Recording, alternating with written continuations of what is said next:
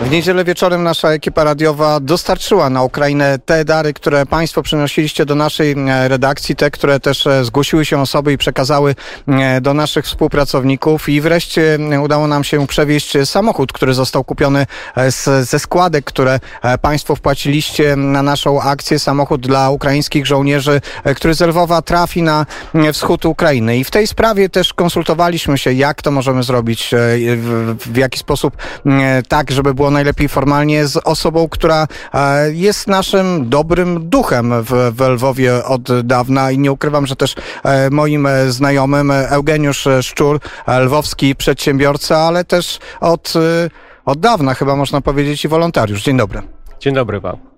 E, Żenia, e, właściwie ten aspekt e, jest e, taki interesujący, bo jesteś przedsiębiorcą e, lwowskim, niemałym przedsiębiorcą e, lwowskim. Jednak e, w czasie e, wojny biznes gdzieś schodzi e, na dalszy plan i w swojej działalności podejmował, pod- podjął się też e, faktycznie działalności takiej wolonterskiej. No tak, e, pierwsze doświadczenie to było jeszcze u mnie e, w 2014 roku i e, też, też pomogło mnie teraz, e, co mam robić i jak to mam robić i kogo mam e, załączyć do tej wszystkiej pomocy. I e, jest, my po prostu wszystkie rozumiemy, że jeżeli nie zrobimy sami dla siebie, to później nie będzie sensu i biznesu i w ogóle nie będzie kraju. Także trzeba wszystko robić teraz tylko dlatego, żeby było, e, wygrali w tej wojnie. In, inszy, innego warunku u nas po prostu nie ma. Musimy wygrać. Co robi wolontariusz e, Eugeniusz Szczur? Czym się zajmujesz? Na czym polega e, Twoja praca właśnie jako osoby, która organizuje tę pomoc?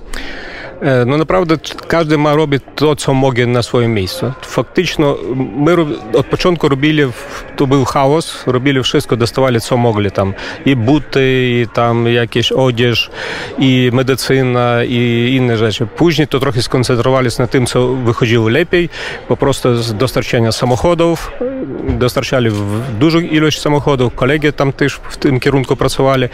Także na dzień dzisiejszy wszystkie razem tam na dzień tak około 300 samochodów już dostarczyli. To było i z Finlandii, i z, wiadomo, i z Polski, i z Niemiec, i z, z Hiszpanii, z, z, z całej Europy były ściągane samochody. Najpierw to były pick-upy, najwięcej były zapotrzebowania Mitsubishi L200 albo Toyota Hiluxy. Ale i inne tak samochody też ściągali i przekazali to na armię. E, Wspomniałeś o tym, że część tej, tej, tej pomocy dociera e, z Polski. Jak duży jest udział tej pomocy e, Polaków? Bo rozumiem, że część rzeczy sami kupujecie w Polsce, ale Polacy też pomagają. Ну, nie będzie ukrywać, że pierwszy kraj, jaki zaczął pomagać, po- powiedzmy po mojej stronie, to była Polska i ludzie z Polski, i moi kolegi tak samo. I dostarczali dużo. I e, to było i pomoc humanitarna, jako jedzenia, tak samo i odzież. I e, to w pierwszych paru tygodni tu co najmniej e, my otrzymali może cztery ciężarówki, to na 100% to tylko w pier- pierwszy tydzień takie pomocy humanitarnej. И там и были и э, е, карематы, и были э, е, спальники, шпіворы. співоры, єдзення, е, і та, та сама медицина теж була. Це ну, одразу було відач помоць. І так само самоходи, дуже самоходи, напір, то це було ближе коло границі, то люди щенгали і віддавали задармо. Ну, то ну, було відач, що то просто люди купую і віддаю. Temat jest oczywiście poważny, ale przypomniała mi się historia. e, Były też e, buty i tak się złożyło, że te buty miały e, logo z literą Z. Tak, e, z butami była tam mm, naprawdę bardzo dobra fabryka w, w, Polsce e, i kupili buty. I on był, model nazywał się Zephyr. I tam był zaznaczona bardzo duża bukwa litera Z. To my po, po prostu ogniem wy, wypaliwali bukву, żeby później to można było przekazać do, do wojska. E, Buty musiały być też pozbawione tego symbolu, który na Ukrainie traktowany jest już właściwie na, na równi z symbolami e, nazist, nazistowskimi, a ma, czy komunistycznymi i jest symbolem e, zabronionym. No tutaj oczywiście w tej postaci humorystycznej, chociaż to nie są e, tak naprawdę śmieszne sprawy. Żenia, e, ale nie zawiesiłeś biznesu, twój biznes e, trwa. E, Ukraina musi funkcjonować, musi funkcjonować e, życie gospodarcze. Jak ono wygląda w tych warunkach e, wojny? Gdy wjeżdżaliśmy na na Ukrainę, widzieliśmy kilkudziesięciu, 40 kilometrów kolejki. To znaczy nie jest ta kolejka w sposób stały ustawiona, ale 40 kilometrów od granicy są ostatnie ciężarówki, które mają wjechać na Ukrainę. Czy w ogóle można dalej prowadzić biznes w takich warunkach wojennych? E, można i trzeba bo jeżeli nie będzie pracować ekonomika, to wtedy nie będzie e, pieniążek, nie będzie e, finanse, to jest krew, jaka daje możliwość funkcjonowania na naszym kraju. Także ekonomika musi pracować i e, ciężko, ale trzeba to wszystko trzymać. Trzeba płacić mm, ludziom pensje, trzeba płacić pieniążki, trzeba wszystko musi funkcjonować. To, co mogę funkcjonować, bo wiadomo, że niektóre biznesy tam w ten period, tam powiedzmy, turyzm albo coś takiego, no, w ogóle to jest nie mogę funkcjonować, ale jeżeli znajdzie jakaś możliwość, to trzeba jego podtrzymywać i dawać możliwość pracować ludziom i otrzymywać pieniążki. Czy ukraińskie państwo stworzyło narzędzia, które wspomagają przedsiębiorców w takiej sytuacji? No, na dzień dzisiejszy jeszcze tego nie widzę, ale mam nadzieję. E, też jest pomoc zewnętrzna, między innymi e, fakt, że Polska przekazała olbrzymie pieniądze na samym początku rosyjskiej inwazji spowodował, że udało się ustabilizować e, kurs hrywny i hrywna pomimo przecież wojny straciła swoją trochę na swojej wartości, ale cały czas jest walutą, która normalnie funkcjonuje tutaj w tym obiegu i ta wartość raczej jest stabilna.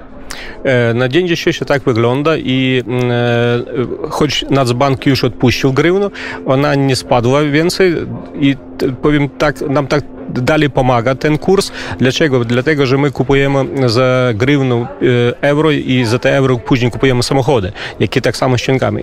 I właśnie za ten daje nam możliwość taniej kupować, żeby więcej ilość samochodów można za te same grywny kupić. Bo jeżeli byłaby trochę inna sytuacja z kursem, to byłoby trochę gorzej. To powiedzmy zamiast trzech samochodów kupiliby tylko dwa. Także ekonomika pracuje, dzięki pomoc to, co dała ta sama Polska, około miliardu euro wydaje się to było z polskiej strony. No, jak na mnie to bardzo duże pieniążki dla tego kraju. Jeżeli tam powiedzmy Niemcy dali więcej, mniej, to co można mówić, to wtedy tylko chwała E, gdy wczoraj widzieliśmy tę kolejkę, jechaliśmy z naszą ekipą radiową, zastanawialiśmy się, być może jest coś, co można zrobić, żeby jednak usprawnić ten ruch graniczny. Od wielu lat prowadzisz biznes, który też opiera się właśnie o kwestię e, przejazdu przez granicę, znasz te mechanizmy. E, czy jest coś takiego, co mógłbyś podpowiedzieć tym, którzy wydają decyzje o charakterze politycznym, administracyjnym, jak usprawnić ten ruch w tej sytuacji wojny? No, wszystko zależy tylko od państwa, bo z, to, z punktu widzenia mm, e, biznesu, jeżeli jest e, ciężko przecinać granice albo ciężko przecinać mm, e, powiedzmy towar, to jest wtedy problem, bo wtedy nie, nie ma tej szybkości obrotu i pieniążki to tego samego towaru.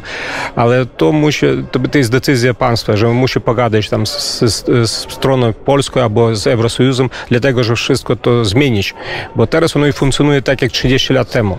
W ogóle nic nie zmieniło się. To jest jest bardzo prosty mechanizm, jak to wszystko poprawić, z mojego, z mojego punktu widzenia, ale to, to mój punkt widzenia. To musi być na to życzenie rządu, powiedzmy. E, mieszkasz e, w Lwowie. Lwów jest położony dalej od frontu. Całe szczęście nie tak często docierają tutaj e, rosyjskie rakiety. Rozmawiamy w miejscu, które wydaje się być pięknym, letnim e, ostoją taką wręcz z spokoju. Czy e, to życie jest takie dalej faktycznie jak kiedyś w Lwowie, czy odczuwasz, jak ono się bardzo zmieniło? E, no, życie zmieniło bardzo dużo, bardzo dużo ludzi z wschodniej Ukrainy i, w ogóle nie, nie, nie, ma tych nastrojów, żeby odpoczywać. Każdy rozumie, że jest e, wojna i powiedzmy na stan taki mm, moralny, że nie możesz odpoczywać albo gdzieś tam chodzić w ten czas, jak gdzieś tam idzie wojna, ktoś tam ginie. I dlatego e, sytuacja bardzo zmieniła się w ogóle i no, powiem tak, e, moralno dla dużych ludzi to jest ciężko. No, e, było tak, że kto e, w bardzo bezpieczeństwie, znachodzi, jakby siedzi w, bez, w bezpieczeństwie, bezpieczeństwie, to dla niego jeszcze cięższe to przeżywać, niż on tam gdzieś na pierwszym kraju. Bo wtedy ty jakby no, jakby schował się tego, co tam odbyło się dalej, tam na wschodzie. E, Znam Twoją aktywność e, też pozazawodową. Wiem, że e, potrafiłeś wypoczywać do wojny w różnych miejscach świata, a gdy Ukraina już wygra, w to chyba wierzymy bez żadnych wątpliwości, gdzie pojedziesz? Najpierw do Polski, Dlaczego? bo kocham ten kraj i tych ludzi. E, I taka, taka jest prawda. Wielu Ukraińców tak odpowiada. W pewnym sensie na to liczyłem. A my wczoraj, jadąc przez te tereny przygraniczne, przez zachodnią Ukrainę, e, tak sobie myśleliśmy, że e, my zwiedzimy wtedy Ukrainę, tak jak należy, bo gdzieś mieliśmy dużo czasu na to, ale pewnie nigdy nie zrobiliśmy tego, jakbyśmy chcieli. Proponuję zrobić taki e, jakby e, razem wyjazd, tak? Wy przyjeżdżacie do nas, jedziemy po Ukrainie Zachodniej, a później, wracamy do Polski. Tam jedziemy po polskie, po wschodniej Polsce. Więc e, możecie Państwo już się zapisywać na ten wspólny wyjazd e, polsko-ukraiński. Żenia Szczur, e, lwowski przedsiębiorca, działacz jeszcze w czasach studenckich. Gdzieś wtedy się poznaliśmy wiele, wiele lat temu, a teraz też osoba, która wspiera ukraińską armię, która pomaga i tworzy tę sieć pomocy też między, międzynarodowej. Serdecznie dziękuję. Do usłyszenia, do zobaczenia. Dziękuję również w ogóle wszystkim Polakom i w ogóle polskiemu kraju za tą pomoc, jaka, jaka jest i jaka wierzę, że dalej będzie. My dziękujemy Ukrainie za obronę granic cywilizacji.